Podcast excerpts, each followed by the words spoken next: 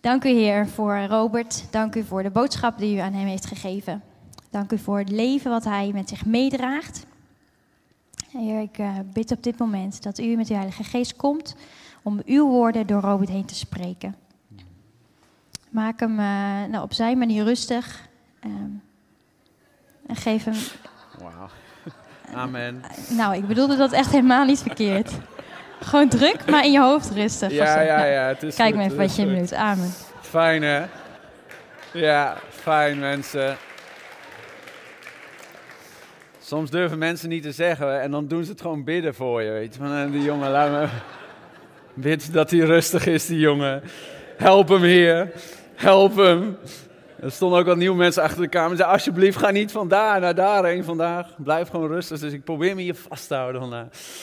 Nee, mooi. We gaan, uh, de titel van de boodschap vandaag is Heilig of schijnheilig. Nou, dat uh, is de titel die we vandaag hebben, de boodschap waar we naar willen kijken. Dat doen we aan de hand van het leven van Mozes in Deuteronomium 4. Daar gaan we een stukje lezen zometeen met elkaar. En dan gaan we kijken wat dat zegt over ons. Of we heilig zijn of inderdaad koningskinderen zijn, wat net ook wordt gezegd, wat we ook zijn. Maar gedragen we ons ook zo? Dat is altijd de tweede vraag. Laten we daar beginnen met lezen in Deuteronomium 4. En we beginnen bij vers 20. Lees graag mee. Want u bent door de Heer uitgekozen. En uit de smeltoven van Egypte weggehaald om hem als zijn eigen volk toe te behoren. Zoals nu het geval is. Door uw schuld is de Heer kwaad op mij geworden. En hij zwoer dat ik de Jordaan niet zou oversteken en het goede land niet binnen zou gaan. Dat hij u als grondgebied zou geven. Ik moet hier sterven. Ik zal de Jordaan niet oversteken, maar u mag wel oversteken en dat goede land in bezit nemen. Zorg er dan voor dat u het verbond dat de Heer uw God met u heeft gesloten niet vergeet en dat u niet tegen zijn gebod in een godenbeeld maakt. Een afbeelding van wat dan ook. Want de Heer uw God is een verterend vuur en hij duldt geen ontrouw. Als u eenmaal in dat land geworteld bent en er kinderen en kleinkinderen hebt gekregen en u gaat u misdragen door een godenbeeld te maken, een afbeelding van wat dan ook, en u tergt de Heer uw God door te doen wat slecht is in zijn ogen. Ik roep vandaag de hemel en de aarde op als getuige tegen u dat u dan spoedig zult worden verdreven uit het land aan de overkant van de Jordaan, dat u in bezit zult nemen. Daar zal u dan geen lang leven beschoren zijn, integendeel zult worden weggevaagd. De Heer zal u uiteenjagen en u wegvoeren naar vreemde volken, waar maar een klein aantal van u zullen overblijven. Daar zult u dan andere goden vereren, goden van hout en van steen, door mensen gemaakt, goden die niet kunnen horen en zien, niet eten en niet ruiken. Maar tenslotte zult u de Heer uw God weer zoeken, hem ook vinden als u met hart en ziel zoekt. Wanneer dit alles u overkomt, zult u in uw nood uiteindelijk terugkeren naar de Heer uw God en naar hem luisteren. Want de Heer uw God is een liefdevolle God. Hij zal u niet verlaten en u niet in het verderf storten wat uw voorouders heeft beloofd. Vergeet hij niet. Tot zover, tot dit vers. Een toespraak van Mozes aan het eind van zijn leven. Mozes was ondertussen al 120 jaar geworden. En wanneer hij geboren was in Exodus 2, wordt hij als een babytje geboren. Wordt hij in het rieten mandje in de rivier gelegd en groeit hij op in het koninklijk paleis. Hij groeit koninklijk op. En nu, zoveel jaar later, lezen we deze woorden van Mozes, waarin hij het volk nog maar toespreekt. Normaal gesproken is het dat God openbaart zich aan Mozes, maar hier vertelt Mozes dingen aan het volk aan het eind van zijn leven. Hij weet dat hij over een klein moment zal hij gaan sterven. Zeg maar, dit wil ik jullie meegeven. Luister goed, volk van God. Ik wil je een aantal dingen meegeven. Straks zal mijn leiderschap stoppen. Straks zal mijn bediening, mijn leven stoppen. En de Heer zal mij tot hem nemen. Maar dit wil ik dat jullie niet vergeten. Alsjeblieft, als jullie in het beloofde land ingaan. Als jullie dat ook gaan inrichten dan met Jozua als leider.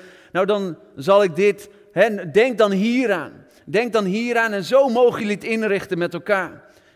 Dat waren zijn laatste woorden. En aan het eind van Deuteronomium sterft hij en de Heer begraaft hem. En Joost mag weten waar dat is, want dat staat er ook. Niemand weet waar het was. Nou, misschien weet Joost het trouwens wel. Joost. Als je vragen over de Bijbel, wees trouwens bij Joost. Hij kan goed de Bijbel uitleggen. Maar um, vandaag, wij waren trouwens, voordat we begin, afgelopen week waren we een cursus doen, spreekvaardigheid. Met een aantal schouwplaatsen zie je. En dan kregen we de tip mee om van je manuscript, eigenlijk van je script, een stripverhaal te maken. Om, zodat je het verhaal kan afspelen in je hoofd. ik vond het wel leuk, ik heb dat nog nooit gedaan. En ik denk, oh, ik ga een mooie strip maken, weet je. Dus ik heb een paar plaatjes getekend en dan denk ik, oké. Dus ik vanmorgen bij de ontbijttafel zeg, jongens, kinderen, kijk eens, dit is de preek van vandaag. Waar gaat het over? Hmm, ehm, ja, ze zaten zo te kijken, de kinderen. Uh, David en Goliath. En... Uh, ik probeerde gewoon een oude man, Mozes, te tekenen, een klein babytje of zo. Maar dat was blijkbaar David Goliath. En de kinderen hadden geen idee. Dus ik denk, oké, dit begint al lekker. Dit wordt een heerlijke preek vandaag. Ik zal die tekeningen, zal ik maar niet te veel gaan naar kijken vandaag. Anders weten we niet waar we eindigen. Maar dit was het eigenlijk wat ik wilde zeggen. En de kinderen, uiteindelijk weten ze wat ik bedoelde. Nou, dan moet je het zo en zo tekenen, papa. Maar goed, ik we wilden graag dus hierheen naar deze boodschap van Mozes. En daar zie je dus dat hij aan het eind van zijn leven is gekomen. Eigenlijk een diepe emotie is hij zelf, omdat hij weet hij gaat zo weg. Maar vergeet niet. En dan begint hij bij vers 20 eigenlijk. Of dan zegt hij in zijn boodschap waar we vandaag naar kijken, zegt hij, want u bent door de Heer uitgekozen en uit de smeltoven van Egypte weggehaald om hem als zijn eigen volk toe te behoren, zoals nu het geval is. Hij herinnert de mensen en het volk aan, weten jullie nog? Weten jullie nog dat ik jullie uit die smelt, dat God die uit smelt over heeft gehaald, uit die ijzeroven. Hij bedoelt daar Egypte mee, de hel van Egypte, de duisternis, het kwaad, de macht van de hel. Daarin heeft jullie God jullie bevrijd en hij heeft hem jullie zijn erfbezit gemaakt. Hij heeft hem jullie eigen gemaakt. Vergeet dat niet, zegt hij. Weet dat jullie God dat heeft gedaan. Want hij wist dat het volk nogal de neiging had om daarvan af te wijken, om dat te vergeten. En hij herinnert ze aan. Dit is, ik heb jullie vanuit de duisternis naar het licht gebracht. Zoals ook jullie nu. Zoals de volk nu, maar ook wij. Gered zijn van die macht van duisternis. Eeuwig leven ontvangen hebben. Vergeving, gered, bevrijd, herstel.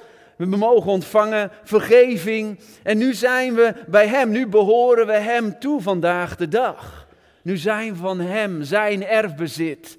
En wij zijn deel van het erfstuk wat Hij ons geeft. Alles wat daarbij komt, al het leven in overvloed en alle zegeningen van God, ook hier op aarde. Wij behoren Hem toe. En dan, dan zegt hij dit, laten we mee lezen, vers 23. Zorg ervoor dat u het verbond dat de Heer uw God met u heeft gesloten niet vergeet. Als er één ding is wat Mozes het volk leerde, was dit het wel. Zorg niet dat jullie dit verbond vergeten. Dat de Heer jullie tot een eigen heeft gemaakt, tot zijn eigen bezit heeft gemaakt. Dat jullie zijn kostbaar bezit zijn. Dat jullie zijn bij hem horen. Dat hij een verbond met jullie heeft gesloten. Dat hij trouw is geweest. Dat hij jullie tot een eigen heeft genomen. Jullie zijn nu van hem. En dat kan je ook al zeggen, jullie zijn een heilig volk, wat we ook in het Nieuwe Testament lezen, maar ook in het Oude. Jullie zijn een heilig volk, jullie zijn apart gezet, jullie zijn afgezonderd, jullie behoren nu Hem toe. Jullie zijn afgescheiden van al het kwaad. Jullie behoren nu mij toe. En, voegt hij er dan toe in vers 23, en zorg ervoor dat die God die jullie zo trouw is, waar jullie een verbond mee hebben, dat je hem niet inruilt voor een of andere afgod. En dat u niet tegen zijn gebod in een godenbeeld maakt, een afbeelding van wat dan ook. Zoals het volk de neiging had om afgoden te maken. Om eigenlijk het vertrouwen niet in God te stellen, omdat hij soms laat was, omdat hij zich liet afwachten soms. Gingen ze maar afgoden maken, gingen ze maar dingen maken waar ze wel aan vast konden houden, wel hun vertrouwen in konden stellen. Dat had de neiging van het volk iets te maken, iets zelf te creëren waar ze vertrouwen in stelden. Vergeet het verbond niet en zorg ervoor dat we geen afgoden gaan dienen. Alles wat belangrijker wordt dan God zelf is een afgod. Alles wat wij belangrijker maken dan Hemzelf is een godenbeeld, is een afgod. Maar waarom, zegt Mozes, dan? Hij zegt, laten we lezen vers 24, daar is ook waar ik met jullie eigenlijk heen wil gaan, in deze zin. Want God is een jaloers God. Hij is een jaloers God. Waarom heeft hij jullie daar bevrijd uit de hel van Egypte? Waarom heeft hij jullie tot een eigen gemaakt? En zijn jullie nu van hem? Omdat hij een jaloers God is. En waarom wilt hij niet dat, dat jullie jezelf delen en jullie vertrouwen in andere goden zetten dan Hem alleen, omdat Hij jaloers is. Hij houdt zoveel van jullie. Jullie zijn zijn kostbaar bezit. Jullie zijn van Hem en Hij deelt zijn glorie en zijn heerlijkheid niet graag met een ander. Ik weet niet hoe het zit in jouw huwelijk als je getrouwd bent, maar ik deel Isabel niet graag met een ander. Of met iets anders. In het begin van onze relatie dacht ik even, ben ik nou met mijn schoonmoeder getrouwd? Of uh, zat ze elke dag met de moeder? Mijn schoonmoeder was van weer op de bezoek, dus uh, van de week. En uh, bellen met de moeder, bellen met de moeder. Ik denk, hè, ben ik nou met mijn schoonmoeder getrouwd? Zo. En dan een broer.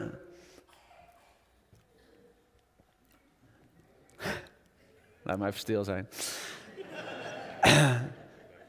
Mensen denken, oei, oei, ja, misschien. Hè? Maar het kan zijn, mensen, dat je eigenlijk, dat je, je aandacht en je stem van een ander belangrijker is dan je God zelf. Hij is een verbond, het is een huwelijksverbond, het is een relatie, een vriendschap, hebben wij met onze God. Maar soms stellen we onze eigen aandacht, onze hart, verlangen, gaat naar iets anders uit of naar een stem uit dat we boven Gods waarheid stellen. En dat wil hij niet. Hij wil dat niet delen. Hij wil dat we ons hart helemaal aan hem toebehoren. Hij is jaloers. Hij houdt te veel van ons dat hij het wil delen. In een huwelijk. Ik zou niet willen dat mijn geliefde het met iets anders of iets anders belangrijker vindt dan onze relatie, ons huwelijk. Dat willen we niet.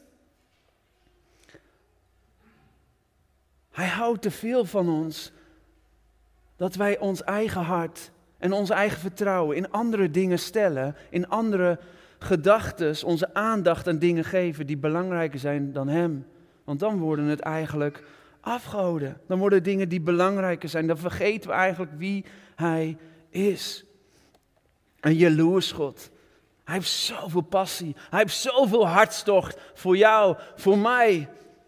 En hij wil dat niet met iets anders delen, wat het dan ook is voor jou, wat misschien ook zo belangrijk is. Hij wil het niet met een ander delen. Zijn passie, zoveel passie, zoveel liefde voor ons. En hij is een jaloers God en een verterend vuur. Een verterend vuur. Tegelijkertijd betekent dat alles wat in ons is, wat misschien niet hem toebehoort, heeft hij en wil hij verteren. Wilt hij eigenlijk voor zorgen dat het weggebrand wordt uit je hart. Overal waar wij ons vertrouwen op stellen. Overal waar wij eigenlijk onze naam, eigenlijk ons vertrouwen daarheen stellen. Nee, nee, hij wil dat niet. En hij is in staat om het weg te branden. Om het weg te nemen. Een verterend vuur. Alles wat eigenlijk van ons Egypte, wat ons oude leven ook symbolisch staat. En voor Mozes ook.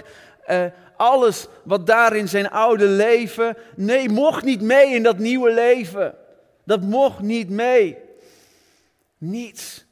Niets in je geweten, in je gedachten, alles wat je denkt en ziet en hoort en hoe je handelt. Hij wil niet dat dat nog deel is van jouw leven. Hij wil je voor jezelf hebben. Alleen voor Hem. Je passie en je, jouw liefde. En dat is een, een verterend vuur. tegelijkertijd weet hij is een heilige God. En is tegelijkertijd een uitnodiging, een antwoord om te reageren op die liefde. Op die vurige liefde die hij voor ons heeft. Waartoe hij toen in alle staat was om te geven. Mogen wij daarop antwoorden. Een passie en een liefde, zoveel. Nou, ik weet niet hoe het voor je is als je als je momenten gekend hebt dat je misschien wel eens dat vuur en dat verlangen en die passie in je hartstocht.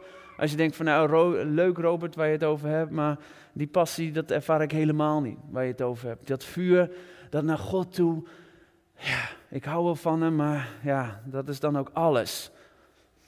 En ik ga af en toe wel naar de kerk en ik lees af en toe mijn Bijbeltje, maar dat lukt niet altijd. Nou, ik weet heel goed hoe het daar is. Om ook op dat punt te zijn. Om eigenlijk helemaal geen zin meer te hebben. Om de Bijbel te lezen. Of te bidden. Of me überhaupt te doen waarvoor je geroepen bent. Ik heb tijden gekend. En ook in de afgelopen seizoen. Dat, het zo, dat ik zo wat aan het zoeken was. Waar is mijn passie? Waar is mijn energie?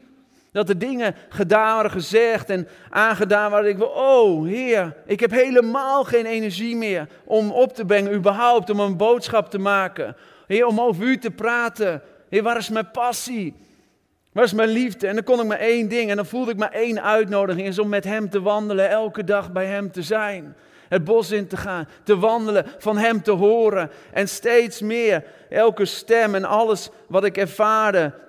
En wat pijn deed in mijn hart, brokkelde steeds meer af. En alles, elk gezichtsverlies, alles wat van binnen eigenlijk zoveel waarheid had, werd afgebroken door die vurige liefde van Jezus.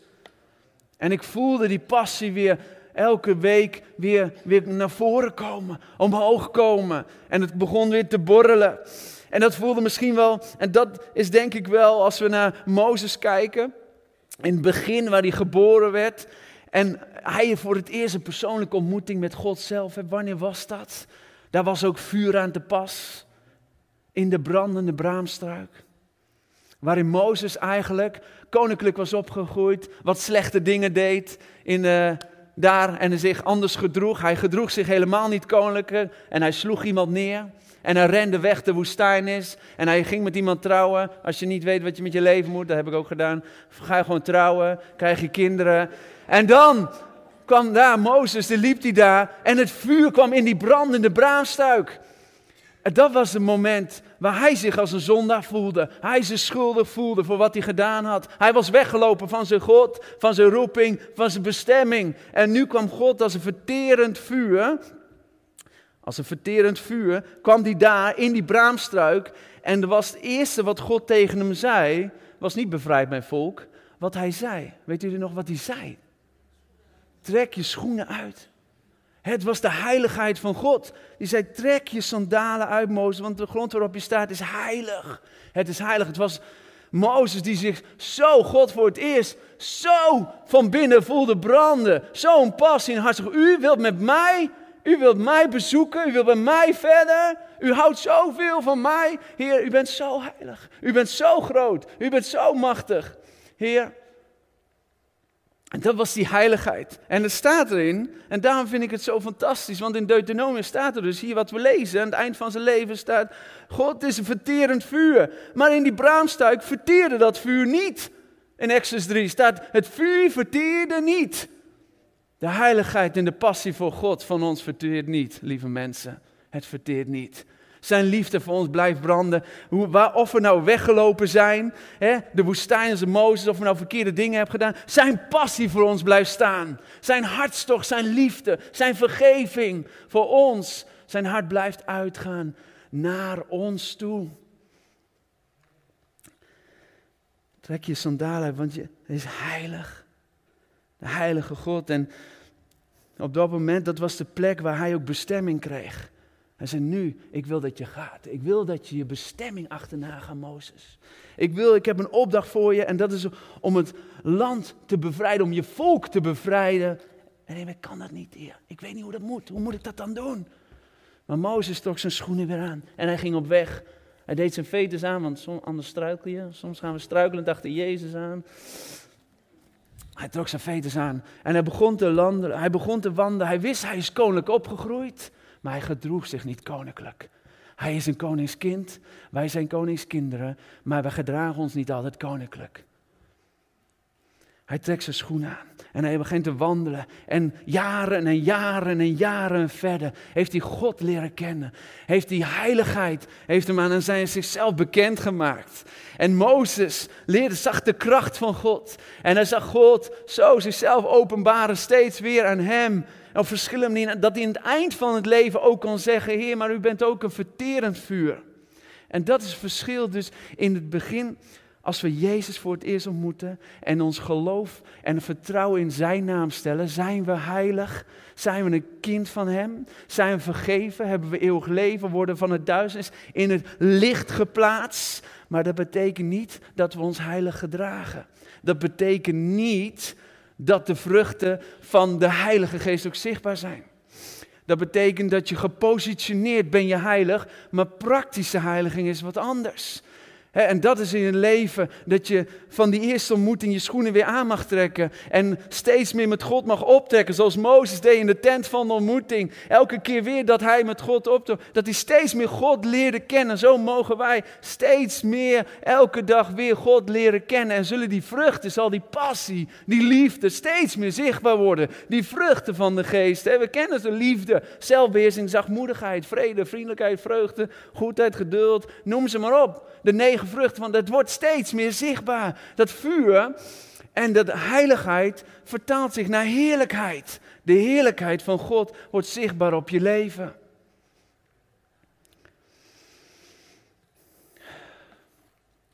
Je kan wel Amalia heten en een koningskind zijn, maar dat betekent niet dat je koninklijk gedraagt.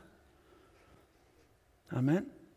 Zo geldt het ook voor ons. Wij kunnen al, we zijn allemaal door ons geloof heilig. En zo kijkt God naar ons, vol vreugde. Vol vreugde, vol passie, vol liefde, onbevlekt. Rechtvaardig zijn we voor God. Er is geen oordeel meer, geen schuld meer. We hebben vergeving, er is eeuwig leven. We zijn gereinigd. Maar we gedragen ons niet altijd heilig. En ik voel het hartstocht van de Heer zelf, op dit moment ook, en deze boodschap tot een uitnodiging. Kom naar die vurige liefde die Hij voor ons heeft. Hij verlangt naar dat we ons ook heilig inzetten. Dat we als een levend offer, een levend offer zullen zijn voor Hem. En dat bedoelt geen schijnoffers. Dat bedoelt niet in je leven schijnheiligheid. Nee, dat zijn geen waardige offers hoe meer je steeds met, met hem gaat wandelen, en ik merk het in mijn eigen leven steeds weer, dat je op een gegeven moment denkt, waarom kijk ik deze dingen überhaupt? Of waarom lees ik dit überhaupt? Wat is dat voor een onzin eigenlijk?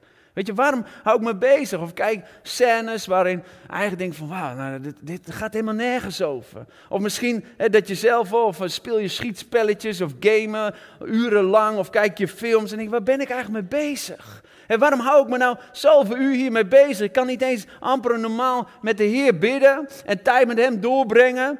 Nee, of je leest die roman urenlang, net zo lang dat je fantaseert over een of andere relatie die je toch niet hebt of zo.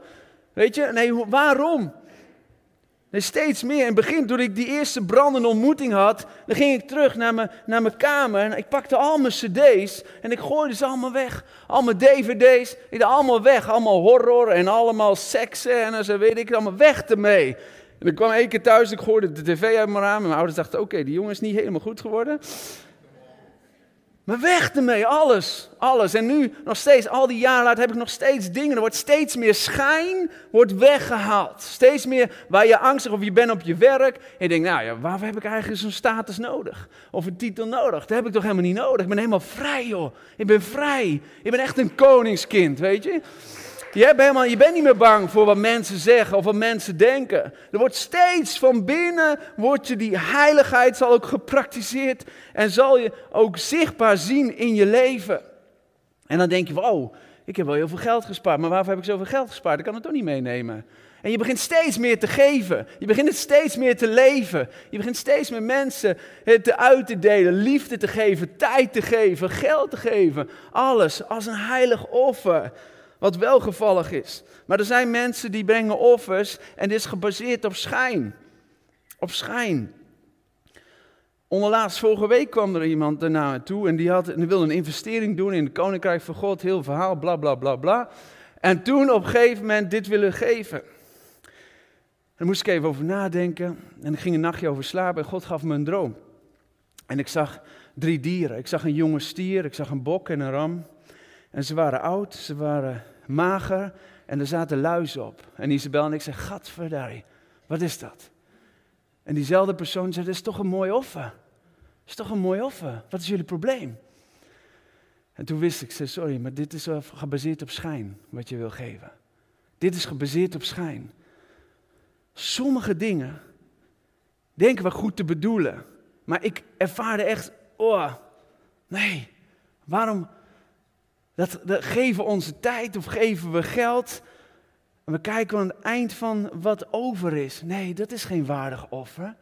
Dat is geen waardig offer. Nee. Toen die vrouw binnenkwam bij Jezus en die kostbare olie goot.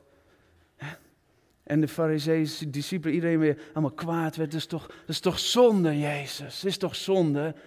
Hey, toen ik binnenkwam had je niet eens de moeite genomen om mijn voeten te wassen. Om mij een kus te geven. Jij nam niet eens de moeite. Maar zij komt binnen, zij gooit alles wat ze heeft, gooit ze neer. Dat is hoe Isabel en ik willen leven. We willen ons hele hart geven. Alles geven voor Hem. Hij is het waard. Een waardig offer willen we zijn voor Hem. Hij heeft zoveel voor ons gedaan en doet hij nog steeds. En we willen niet, niet meegaan in, in dingen eh, van de wereld of, of, hoe wij denken dat het eh, rationeel goed zal zijn. Nee, het koninkrijk van God gaat veel verder dan dat. Dan ga je dingen doen die helemaal geen, geen, geen sens, maar helemaal niet meer uh, dat je denkt van dit klopt of zo moet ik het doen. Nee, dan ga je gewoon daarboven staan in geloof. Pas als het, dan begint het pas pijn. Toen denk je van, oh, hoe moet ik mijn rekening betalen? Dan pas wordt het echt geloof. Dan pas willen we echt vertrouwen op de Heer. En dat is iets heel anders. Dat is een waardig offer. Gisteravond kreeg ik een telefoontje en van iemand die ontdekt had dat hij nog een broer heeft. Omdat zijn vader niet al zijn aandacht aan zijn vrouw had gegeven, maar ook aan de buurvrouw. En uh, zijn vader is inmiddels al overleden. En uh, zij weten daarvan. En uh, zij vertelde dat. En, maar moeten we dat nou ook aan moeders vertellen? Moeders is op hoge leeftijd. Man is al gestorven. Zit je dan nog te wachten op een verhaal van: hé, hey, sorry mam, maar we hebben gehoord dat je nog een kind hebt. Ja, wat moeten we doen? Zit, zit je ook niet op te wachten als je 85 bent, je zit hier, je hebt nog een kind. Nee, zit je niet op te wachten. Of wel, Gerard? Nee, hè? Nee, ik kan bij jou niet voorstellen natuurlijk. Nee. Maar ze hadden wel besloten om naar moeders te gaan. Zeggen, mam, we moeten praten. Papa is niet altijd even zijn aandacht bij jou geweest. Ook bij iemand anders. En ik wil vertellen, je hebt nog een kind. Wauw, oké. Ze kozen voor om niet schijnheilig te zijn, om geen geheimen achter te houden. Weet je, daarvoor willen we gaan. We willen niks gebaseerd op schijnheiligheid. Nu was toevallig was dat de opa van Isabel, dus vandaar dat we dat, uh, dat wisten we. En uh, hebben ze dat verteld, de vader van Isabel is dat gaan vertellen aan uh, zijn moeder. Maar ik vond het zo moedig. Ik vond het zo moedig. Dat je hebt gekozen om niet te kiezen voor schijn te wachten, maar tot moeder overlijdt. Nee, we gaan het nu vertellen. Dit is gebeurd en we willen het goed maken. We willen, de, of we willen in ieder geval vertellen. We willen het in het openbaar brengen, in het licht. We willen, en dat vind ik mooi. En dat zegt er ook, Mozes zegt ook aan het eind van zijn leven. En ook in deze tekst in vers 29 zien we ook. Maar tenslotte zullen jullie de Heer bezoeken, hem vinden. En met hart en ziel van hem houden. En wanneer deze dingen overkomen, zul je in nood uiteindelijk terugkeren naar de Heer, naar Hem luisteren. Want Hij is een liefdevolle God, Hij zal je niet verlaten. Hij zal je niet vergeten. En God heeft in ieder geval een besluit gemaakt. Hij zei, maakt mij niet uit hoeveel het kost, al is het mijn eigen zoon. Ik geef alles voor hun, alles. Alles wat me lief is, geef ik. Als een waardig offer voor jou. Als een waardig offer liet hij Jezus komen, openbaarde wie hij was en liet hem sterven aan het kruis. Als een waardig offer. En als antwoord erop mogen wij waardige offers geven aan Hem. Echt als heilig ook leven en niet schijnheilig. Niet gebaseerd op dingen die we maar gewoon doen omdat we denken dat, we, dat het goed is. Of we dragen ons steentje bij. Nee, hou op, je hoeft hier niet in de gemeente mee te helpen om je steentje bij te dragen. Nee, omdat je zoveel passie voor de Heer hebt. Je hoeft het niet voor mij te doen. Nee, omdat je zoveel liefde voor de Heer hebt. Zeg, Heer, ik wil me inzetten. Heer, ik wil geven. Heer, ik wil die persoon bemoedigen. Heer, ik neem de telefoon en ik wil die bellen. Nee, je, je doet het omdat er zoveel passie, omdat je zoveel verlangen hebt naar de Heer. Wil je als een waardig offer leven? 1 Petrus 2 zegt, jullie zijn een heilig volk. En jullie mogen geestelijke offers brengen die welgevallig zijn voor de Heer. Welgevallig, echte aangename offers, niet gebaseerd op schijn. En laat dat een uitnodiging zijn voor vandaag, voor ons allemaal. Dat dat vuur voor een ieder ook beschikbaar is. Of dat nou het eerste vuur is wat Mozes ontmoette. Of dat nou het vuur is waar hij later over sprak aan het eind van zijn leven. Een verterend vuur. Het is voor ons allemaal beschikbaar. Pinksteren, 120 man, voor iedereen een vlam. Amen. Voor iedereen was er een vlam. Niemand uitgezonderd. Voor iedereen één. Voor iedereen heeft een vlam, iedereen heeft een unieke bestemming, een roeping. En je hoeft niet mijn vlam te hebben, nee, want die van jouw vlam is uniek. En hij kan je vandaag opnieuw die hartstocht, die passie geven, waarnaar je verlangt. Zodat je kan doen waarvoor je geroepen bent, ook al ben je weggelopen als Mozes. Of heb je dingen gedaan die niet kloppen. Hij wil je vandaag aan, aan jou openbaren. En opnieuw dat vuur geven wanneer je verlangt, zodat jij kan doen waartoe je geroepen bent. En als een waardig offer kan leven voor hem. Laten we samen gaan staan. Laten we samen bidden. Want ik verlang ernaar voor mijn eigen leven. In de momenten waar ik zelf op zoek ben, Heer, naar dat vuur, naar die kracht en die heiligheid van God. En hem zo nodig heb. Dan bid ik ook dat jullie me opnieuw mogen ervaren vandaag. Laten we samen onze ogen sluiten. Laten we samen bidden. En ik wil je uitnodigen om dat gebed te bidden wat jij nodig hebt. Of het nou, Heer, die, die passie is, die liefde van Hem, die je voor het allereerste keer vandaag hoort. Of dat het nou dat verterende vuur is. Dat je verlangt dat die vruchten en dat vuur meer zichtbaar worden. Laat het vandaag weer branden in je hart. Laat alles wegnemen in je hart wat schijn is, wat op uiterlijk vertoon is. Heer, ik bid op dit moment, op dit moment als we hier voor u staan, Heer, willen we ook onze schoenen uitdoen en willen we zeggen, hier ben ik, Heer. Dank u dat u van mij houdt. Dank u dat u voor gekozen hebt om met mij op weg te gaan. Dank u wel voor de bestemming, de roeping. Dank u wel dat ik als een waardig offer voor u mag leven. Heer, ik verlang naar, naar uw diepe, vurige liefde binnen in mij. Ik geef u alles wat schijn is, alles wat gebaseerd is op uiterlijk vertoon. Heer, ik verlang naar dat heilige vuur.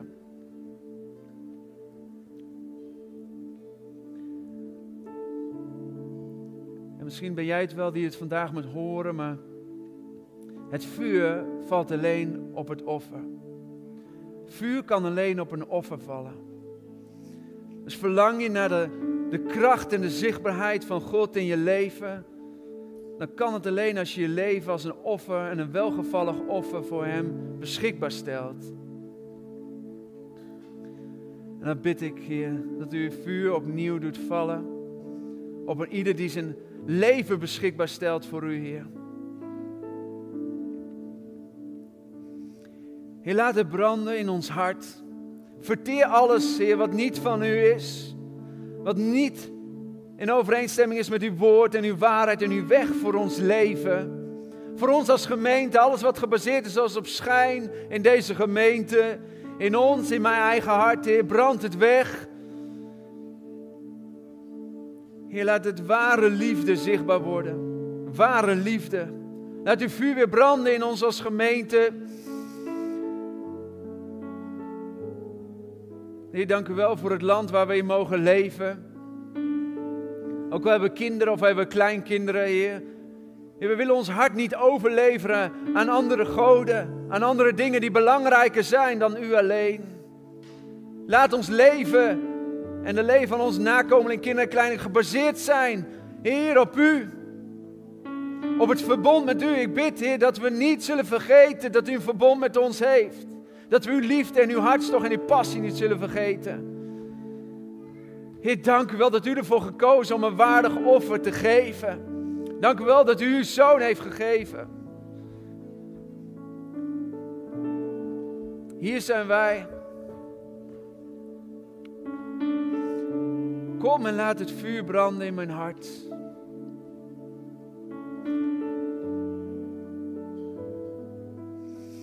Als een aangename geur voor u. Laat uw vruchten zichtbaar worden in mijn leven.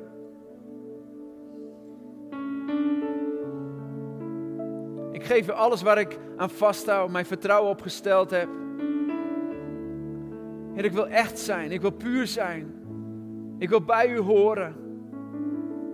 Ik wil deel zijn van datgene wat u doet vandaag in mijn leven.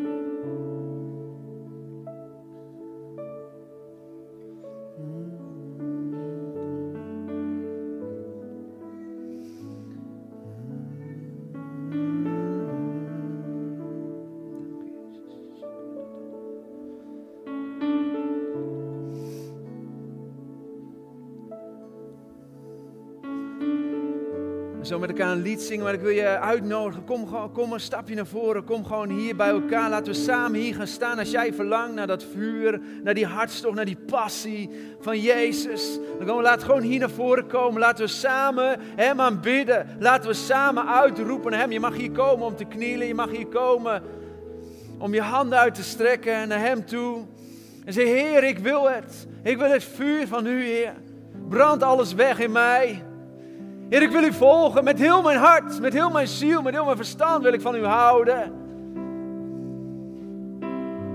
Heer, kom en wees welkom. Kom maar, als je ernaar verlangt. Kom maar, hier gaan we samen knielen, gaan we samen God aanbidden.